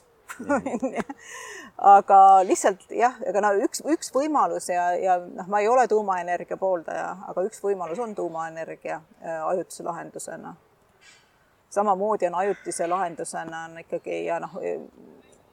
on ikkagi puidu, puidujääkide ja, ja siis selle bio, bioloogilise materjaliga muude bioloogiliste jääkide nagu kasutamine. sest see on sama süsiniku rinda osa, ringi osa. et nad teevad vahepeal tööd, et ta lihtsalt ei lagune, vaid sul käib vahepeal käib, ta teeb see töö ära, see, et noh, selle asemel jätad ikkagi selle fossiilse kütuse alla. et sa pead kõiki neid asju peab vaatama ja läbi, hoolega läbi mõtlema ja noh, nagu näiteks seda, et kahe tuhande kolmekümnendaks aastaks Eesti viia täielikult ähm, üle taastuvenergiale äh,. Seda oleks pidanud hakkama kolmkümmend aastat tagasi enam-vähem tegema et, et noh, ma tahaks, aga, aga me peame reaalselt olema, peame vaatama, kuidas me seda teeme. et ähm, aga niimoodi teha, et me jätame inimesed näiteks äh, Ida-Virumaal töötu, tööta ja sissetulekuta ja ähm, ja me ei paku neile mingit alternatiivi, et nii seda nagu teha ka ei saa, et noh et sellel, siin ei ole lihtsat vastust, on ju. Mhm. mis ei tähenda, et me ei tohi, me, me peame tegema ja mõtlema ja otsima ja, ja peame seda aktiivselt tegema, aga, aga noh, me peame ka re realistlikud olema, on ju, et, et. sa nüüd rääkides sinust endast, sellest tööst, mis sa teed, sa oled öelnud, et sa pead ennast õnnelikuks inimeseks, et sa saad teha seda tööd, mis sulle meeldib ja on samal ajal sinu hobi ja, ja teha seda siin Cambridge'is ja, ja sind äh, on äh, nimetatud üheks mõjukamaks Eesti naiseks maailmas Estonian World poolt, sulle tehakse ministerpakkumisi ähm, kas, kas, kas sa ise tunned, et sinu tööd hinnatakse? Jah, et ähm, eks see on olnud üli, ülipõnev ja noh, tihtipeale äh, sellele eestlasele oma, omasena on noh, on seda tehtud nagu suurest entusiasmist ja vabast ajast ja öötundidest ja ja lihtsalt selle, sellega, et noh, lihtsalt see on see, et sa tunned, et sa teed seda, mis sulle tõesti meeldib ja mis on, on, on see õige, õige asi sinu arust teha, on ju et ähm, palju seda märgatakse, no ega, ega ta ei ole, aga samas noh, ega noh, ütleme Eesti poolt teda ei ole märgatud ja noh, see Estonia Worldi nagu ähm, poolt valimine üheks kaheteistkümnest siis Eesti mõjukamast naisest või, või tuntumast naisest või väljapaistvamast oli tegelikult see outstanding oli see sõna oli minu jaoks suur ehmatus, et noh, see oli enne seda oli, tulid äh,, hakati, tuttavad hakkasid õnne soovima ja ma ei saanud aru, mille puhul, sest sünnipäev oli alles tulemas nagu, et mis juhtus. et äh, ja, ja see oli väga meeldiv, ma olin, ma olin väga meeldivalt üllatunud ja, ja noh, see oli ikkagi minu jaoks noh, au, see oli auks, et ähm, ja sama, samamoodi samamoodi nagu see siis äh, ministrikoha pakkumine oli täielik üllatus mulle, noh, ministriks ma ei saanud, aga ka samamoodi minu jaoks näitab just nimelt see, et mind on märgatud, minu tööd on märgatud, on ju. et noh, et, et see oli ka te, teistpidi, ta on, on noh, kui, kuigi, eks ole, ma selle koha peal ei ole, ta on ikkagi mingi tunnustus, et keegi märkab, et sa oled olemas, mis sa teed ja arvab, et isegi, et sa näed, sa suudaksid sellist tööd teha nagu maailma poolt on olnud, äh, on nagu väga austamissväärne olnud see noh, ÜRO kohtadel töötamine ja see teiste riikide lugupidamine ähm,, nendepoolne siis nagu noh, ütleme hinnang minu tööle ähm,, ka juhtide poolne ja, ja see minu, minu panusesse kogu protsessi. Ja, ja see austus Äh, mis on ikkagi erinevate riikide poolt on, on minule olnud väga oluline just nimelt ja, ja edasiviiv, edasiviiv jõud. Ähm, ja mis paneb ka siis ähm, sind tegutsema ka hilistel õhtutundidel, et, et need asjad oleks tehtud ja ette valmistatud ja et, et selline noh, kolleegide, kolleegide toetus ja lugupidamine on olnud ikkagi just nimelt ÜRO-s töötades üks asju, mis on olnud, olnud nagu minu jaoks hästi oluline. Eestis on jah, Eesti poolt on nagu seda, et et ma vaatan, et noh, üks, üks minu, ma võin rääki-, rääkida, üks, üks minu mure, mis mul Eestis on ja mis on, mis on huvitav nagu ja mis on noh, noh, huvitav on ta nii-öelda jutumärkides, on see Eesti metsasõda, kus on tekkinud ähm, selline noh, ühiskonna polariseerumine mingil määral teatud gruppide hulgas ähm,. ja kus on siis noh, ka üritatakse nagu teha sellist asja, et kas sa oled äh, minu, sa oled õigel või valel poolel, on ju. mis on noh, kui nüüd vaadata andmeid, siis ei ole näha, et midagi oleks valesti. Eestis on üle poole metsaga kaetud ja nii edasi ja nii edasi, et andmete järgi nagu midagi valesti. küsimus on, mis asi see on nagu, et et, et kas see on mingi noh, haige hinge nagu peegeldus või, või mingi austuse, austuse puudumine või keegi tunneb, et nad ei ole nagu noh, neil ei ole piisavalt nagu ähm,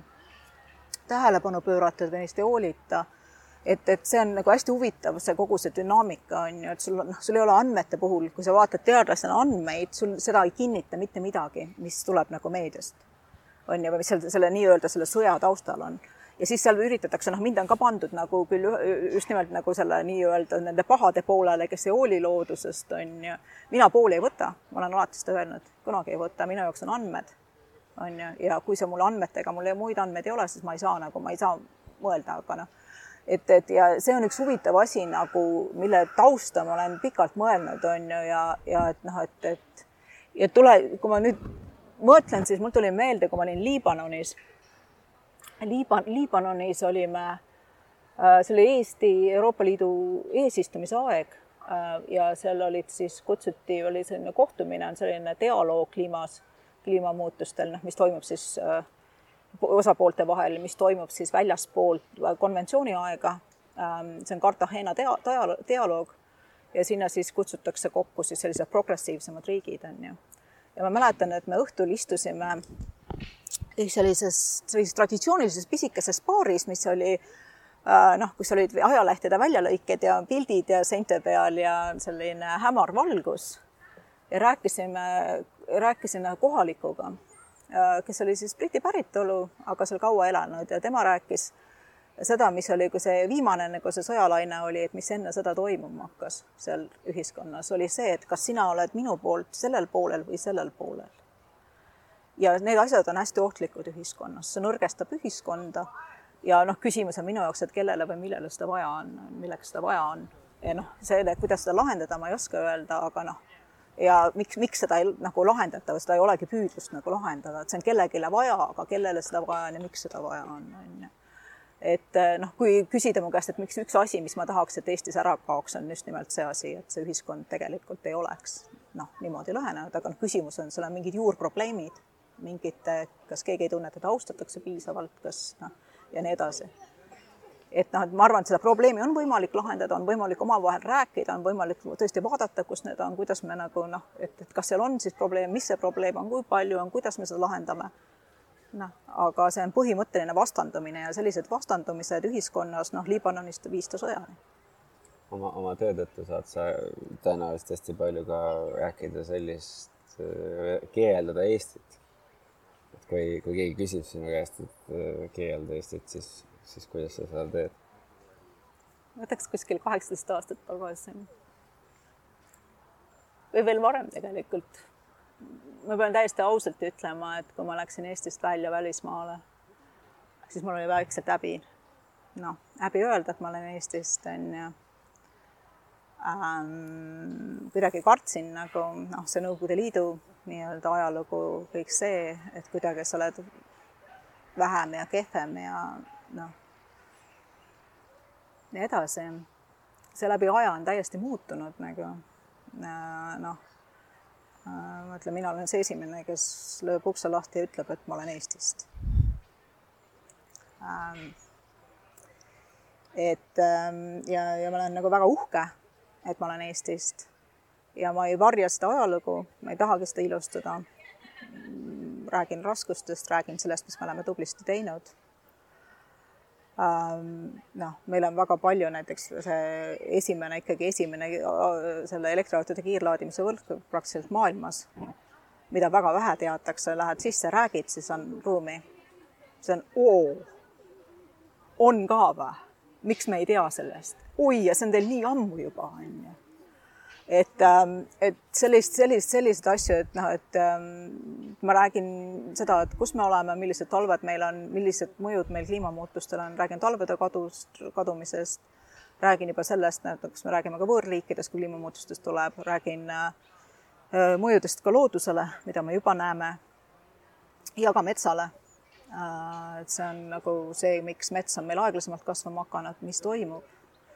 kuidas on noh, me, kuna meil on üle poole metsa, siis tihtipeale läheb see jutt nagu, et voh, kui vägev, teil on nagu see olemas, see mets, nagu mets kasvab, võtab õhus süsinikdioksiidi ära, et teil on ju lahendus. et aga, aga see, et noh, see loodus ise kannatab ja kuidas, mida me juba näeme, kuidas ta kannatab, et noh, sellest noh, sellest muidugi, et me oleme väike, noh, et, et inimesed tihtipeale imestavad, kui vähe inimesi Eestis on et, et nii väike riik on ju ja siis, äh, ja siis küsitakse ka nagu, et äh, nojah, aga, aga et noh, et teil on, teil on nagu, et vaata, kui külm teil seal on, on ju, et siis räägid, et sul on suved, suved on ju, on sinna kuskile kolmekümne kraadi ja, ja talved võivad ka kuskile sinna kahekümne, miinus kahekümne kraadi olla, siis imestatakse nagu, et, et selline niimoodi kõigub või et no, jah, aga noh, põhimõtteliselt jah, tihti, tihtipeale on ikka jutt see, et kes me oleme, mis me oleme, on ju siin mul on olnud paar korda näiteks, kui tuua näide juhus, et kui ma räägin, et ma olen Eestist, noh, siin Cambridge'is Inglismaal, siis küsitakse, et kus kohas Aafrikas see on. No.. et äh, ütleme, et Inglismaal ähm, tegelikult ei teata meist. Soomet teatakse natuke rohkem ja Rootsit teatakse, noh, eks nad viikingeid kardavad, on ju, et noh sealt Soomet, Norrat nagu. et äh, eks see on ajalugu, aga, aga ega meid ei teata tegelikult. jah, et ja see Aafrikasse panemine, sellest ma sain ka mingi hetk aru, et aetakse Eestit ja Etioopiat segi. et ähm, noh aga jah, et see üle aja on ta muutunud nagu noh, ega, ega seesama nagu eestlase loomus, nagu kui mina Cambridge'i tulin ja olin täielikult äh, sissepoole ja mitte suhtleja, siis see mingi aeg siin muutub, nagu see õpitud, nagu tekib see õpitud introvertsus on ju. ja, ja suhtlemine, noh, siin Cambridge'i süsteem on tegelikult, koolisüsteem on sellele üles ehitatud. et sa, pool sellest treeningust on see, et sa õpid rääkima inimestega, keda sa ei tunne, kelle taustast sa midagi ei tea ja, ja selle jaoks korraldatakse õht-, õhtusööki, et inimesed saaks omavahel rääkida, sind pannakse meelega istuma inimeste kõrvale, keda sa ei tunne kui sa oled juba siin kaheksateistaastaselt ja sind treenitakse, siis tegelikult selleks, sellepärast on ka, see on ka mõistetav, miks Briti valitsuses on Cambridge, Oxford ja, ja ka parlamendis nagu suhteliselt palju, sest see kogu see treening, treenibki see noh, ja paljude ettevõtete juhid ja nii edasi ja et kogu ta ei anna ainult sulle seda nii-öelda akadeemilist haridust, vaid annab ka suurelt sellist elu ähm,, elus läbisaamist ja, ja oskust suhelda ja oskust kuulata see nii-öelda sellega, et ma lähen nüüd ütlen, et ma olen Eestis, see on osaliselt ka selle muutuse tagajärg, on ju, et, et, et ei ole põhjust häbeneda, mis siis, et me oleme väiksemad, vaesemad ja, ja nii edasi, et. neli aastat tagasi tähistas Eesti Vabariik sajandat äh, aastapäeva. kui sa mõtled nagu järgnevale sajale aastale Eesti Vabariigis, äh, siis mis oleks sinu soov? See paneb, see küsimus paneb kohe mõtlema, et mis, mida soovida. no ühest soovist ma rääkisin, et see mhm. ühiskonnas ei oleks polariseerumist. et äh, ükskõik, mis põhjusel keegi tunneb, et nad on jäänud või inimesed tunnevad, et nad on jäänud kuidagi tähelepanuta, et see kuidagi, see tuleb lahendada. ma arvan, et see probleem on palju sügavam. et tekiks selline üksteist austav, üksteist hoidev mhm. ühiskond sest me oleme väga väikesed selle jaoks, et heinakuhjas kakelda. on ju, et see kokkuhoidmine, üksteise toetamine, et oleks ühiskond, mis, mis oleks, ütleme nii keskkonnasõbralik ja kus oleks ka selline noh, ütleme, selline hea, hea ettevõtlus, ka majanduslikult edukas ja ettevõtluskeskkond, noh, sinnapoole ta on, aga paraku paljud tegijad on liiguvad väljapoole, on ju, et et leitaks need alternatiivid, millega tegeleda, mis, mis see on nagu, mis, mis on noh, praegu see ähm, noh, ähm, IT nagu sektor on, aga noh, Eestis võiks neid rohkem olla nagu seda on ju paigas seal on ju, et paljud ka nendest inimestest on ära läinud ja on ka siin neid on ju, et noh et, et noh, mis mis see nišš oleks ja mis me teeksime, mis on meie see noh, ja ma, ma arvan, et meil praegu veel ei ole see, et mis me oleme nagu, et või kes me oleme. et me kuidagi, Eesti nagu kuidagi veel areneb, et hoolimata, et nagu sajaaastane on ta ikkagi siit väljapoolt vaadates tundub teismelise eas olema ja oma, oma, oma jalga otsib ja oma või no kohta otsib või või selline küsimus, et kes ma olen, on ju, kui sa oled teismeline, et sa otsid iseennast, otsid otsida oma kohta elus, et noh, tundub, et Eesti on selle, sellises vanuses. Ähm, ja teine asi, mis ma arvan, et mis võiks muutuda ja või peaks muutuma üsna kiiresti, on see, et äh, tihtipeale või ilmselt kogu ajaloost mõjutatud, mõju, mõjutatuna on, on eestlastel ja, ja ka väljapoole jäetakse selline mulje, et ähm, äh, ma tean, ma tean, ma saan ise, ma saan hakkama aga tihtipeale on vaja lihtsalt ka öelda, et noh, kui me tegelikult me ei saa, on ju, siis on vaja tegelikult öelda, et sa ei saa. et see on, ma ei, ma ei tea, kas inglis, noh, inglise keeles on see sõna humble, mida ma ei oska eesti keelde tõlkida. see ei ole tagasihoidlikkus, see on,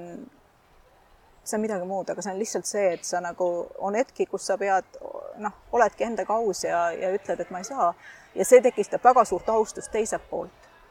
et sa oled, oled tagasihoidlik või noh, selline noh, nagu jah, oled humble, et, et sest ja, ja see aitaks tegelikult edasi liikuda. ma arvan, et see on just praegu see, mis on puudu. et ma, ma lähen ja, ja, ja, ja ma tegelikult ütlen, et noh, et meil on vaja tuge, meil on vaja rohkem teadmisi, meil on vaja rohkem võimekust. et ja me kuulame. et noh, ei saa endale vastu rindu tagudes ei saa ja see käib samamoodi selle niinimetatud rohepöörde kohta. et siin on ikkagi vaja, vaja seda, et, et, et me, me kuulame teisi, me oleme nõus abi vastu võtma ja, ja, ja me tahame seda teha ja me ka teeme. et praegu tundub, et noh, et küll kuidagi see asi laheneb, aga noh, see asi võib, see, see asi on esimeste kivide ja kändudeni viinud. see, see nii-öelda pööre, äh, päris pööre ta tegelikult ei ole, aga noh aga siis, et ta on nagu viinud nagu esimeste kivikäänduna, aga neid hakkab nüüd tulema alles. et see on alles algus. et, et ma ei tea, kas ma nagu suutsin ennast nagu, see on, mulle tuleb meelde, kui ma sellest räägin, et siit paar kolledžit edasi on Trinity College on ju. Trinity kolledžis oli ähm,, äh, õppis ja, ja töötas siis äh, filosoof äh, äh, Bernard Russell, ma ei tea, kas äh, olete kuulnud, aga, aga see Äh, tema, tema on üks ütlemine, eks ole, et äh,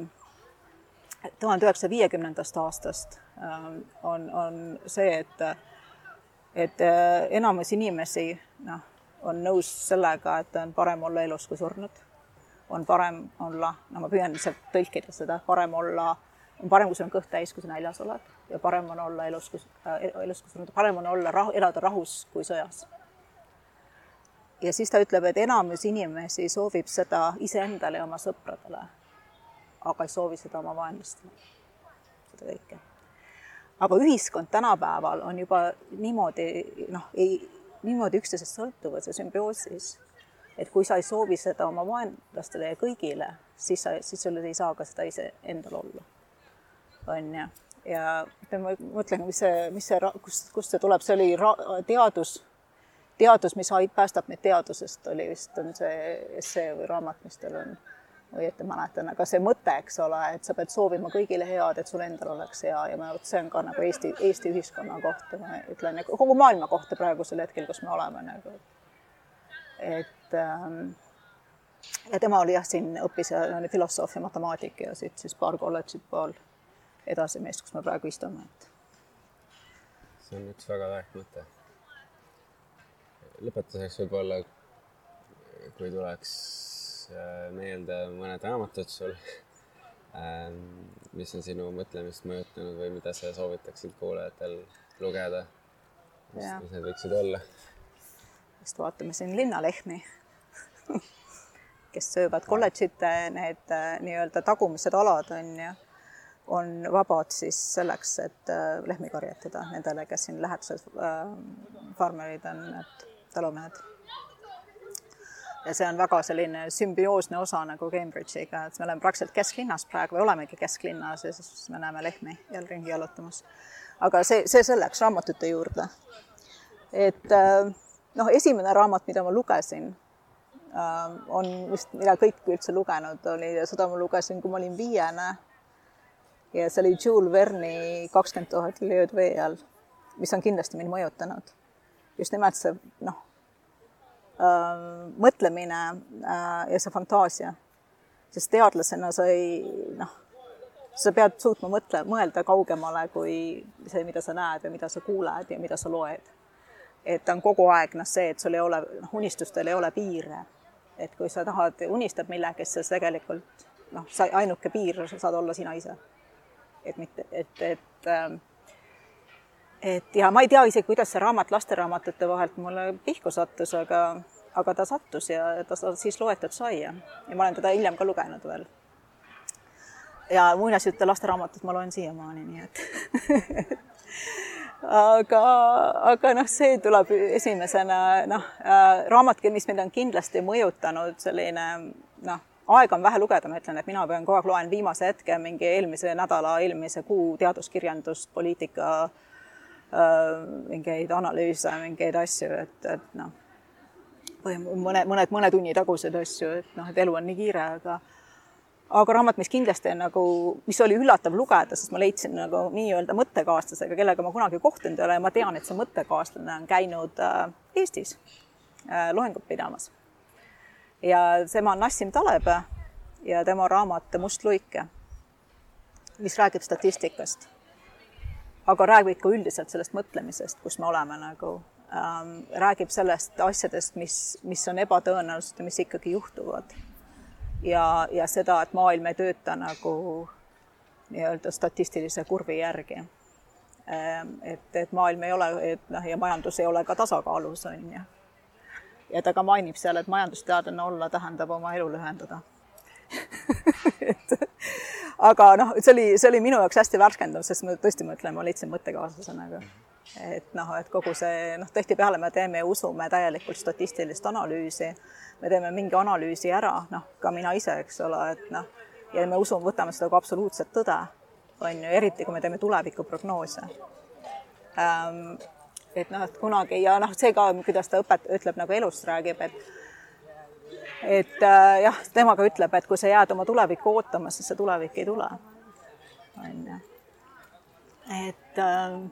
see, aga noh, praeguses, mida ma püüan lugeda, noh, kindlasti seda Musta luike, kui ma ei tea, kas ta on eesti keeles ilmunud, aga kui keegi, keegi on nagu huvitatud üldse sellisest, see on ka selline pool, pool filosoofiline, ta on raamat, ma saan aru, minu tuttavate vähemalt, et kes, et ähm, kellele ta meeldib ja kellele ta üldse ei meeldi nagu. See on kõikide Talebi raamatutega jah et on nagu täiesti nagu noh, ja mina tundsin nagu oleks lugenud nagu, et noh, iseennast enam-vähem olin nii, niivõrd, niivõrd nagu vaimastuses, et noh, et nagu oma mõtteid nagu suures osas loed, et kirjutamata mõtteid. aga jah, et noh, see, ta räägibki see võimat-, mis see on see äh, või võimat-, võim-, võimatuse võimalikkus on jah, mhm. must luik, võimatuse võimalikkus mm. -hmm. Kui ta tõlkida, noh, see praegu ma loen äh, üritan lugeda, ütleme, see on õige väljend nagu kahte raamatut. üks, üks neist on ähm, Antoni Bourdaini ähm, noh, kas mul tuleb nüüd nimi meelde, ma just vaatasin seda, et on. Kitchen Confidential. ei ole, see teine uus, mis tal on. et see, kus ta otsib, otsib äh, perfektset äh, söömaaega no,. me leiame selle üles. me leiame selle üles, jah. täpselt ja teine on Fukuyama identity. et noh, ja see identity on äh, minu arust, ma arvan, et nagu suur osa poliitikud peaks seda lugema nagu ähm,. jälle ma ei ole seda lõpuni lugenud, on ju, aga, aga, aga ta väga hästi kirjeldab seda, et mis meid tiksuma tegelikult paneb kui inimesed ja ma arvan, et see on kadunud ja seda noh, näitab noh, kogu see, mis maailmas poliitiliselt toimub ja noh, paljud tunnevad, et see on kadunud see, see noh, dignity nagu, et, et noh, mis mõjutab siis su identity't on ju, et, et, ähm, et see, see nagu, et need, need kaks raamatut kindlasti, mis on praegu nagu ja ma, ma juba julgen soovitada mõlemat nagu, et ma ei ole kaugemale, palju kaugemale jõudnud kui siin ühega poole peale ja teisega mitte sinnagi veel nagu, et aga kindlasti ma arvan, et kogu selles jah, praeguses maailmas äh, ja noh, see Bourdaini, ma sattusin täiesti juhuslikult ta saateid vaatama ja minu jaoks on ta, äh, on ta fantastiline lugude jutustaja ja eluarmastaja nagu, et äh, ja kuidas jutustada lugusid ja ke väga keerulisi lugusid väga lihtsalt ja läbi millegi, näiteks nagu see on söök, eks ole, või, või selline söömaaeg sõpradega. Ta ei otsi, ta ei otsi nagu noh, see perfektsus ei ole kolm Michelini staari või kolme Michelini tähe restoran see perfektsus tihtipeale on istudes kuskil põrandal ja, ja küla, kuskil küla, küla kaugel kuskil, ma ei tea, Vietnami ähm, ma ei tea, mingis külas nurgas põrandal ja süüa, lihtsalt süüa ja, ja, ja fantastiline noh, äh, vestlus. Et, et selles suhtes on kogu see, noh, ta on hästi paelunud ja noh, ma nägin kõigepealt seda tema nagu äh, äh, Parts Unknown'i ja siis hiljem, hiljem ka seda No Reservations, mis tal on, on ju, mis ta enne tegelikult tegi, enne Parts Unknown'i ja siis ma tahtsin lugeda teda nagu. et ja noh, väga kahju on, et teda enam ei ole, aga noh, elavate kirjas, aga noh, see on selline rääkida poliitikast, rääkida elust niimoodi, nagu tema seda oskab ja väga valusatest teemadest on väga, väga, väga nagu austusväärivad Annela, sellega ongi meie tänane saade läbi, aitäh, et sa võtsid aega minuga siin laupäevasel päeval vestelda. soovin sulle kõike paremat ja edu ja energiat oma töös ja, ja, ja, ja loodan, et näeme peagi. jah, aitäh ja aitäh ka selle võimaluse eest ja, ja nüüd meil juba päike lõõskab siin, et nelikümmend kraadi on tulemas ja, ja aitäh ka kõigile kuulajatele head kuulajad, te kuulasite saatesarja Globaalsed eestlased ning meil oli külas Anne Langer-Kraavi. kui teil on veel mõtteid, ettepanekuid, kellega võiksime saate teha, siis kirjutage globaalsed eestlased, et gmail.com. Kuulmiseni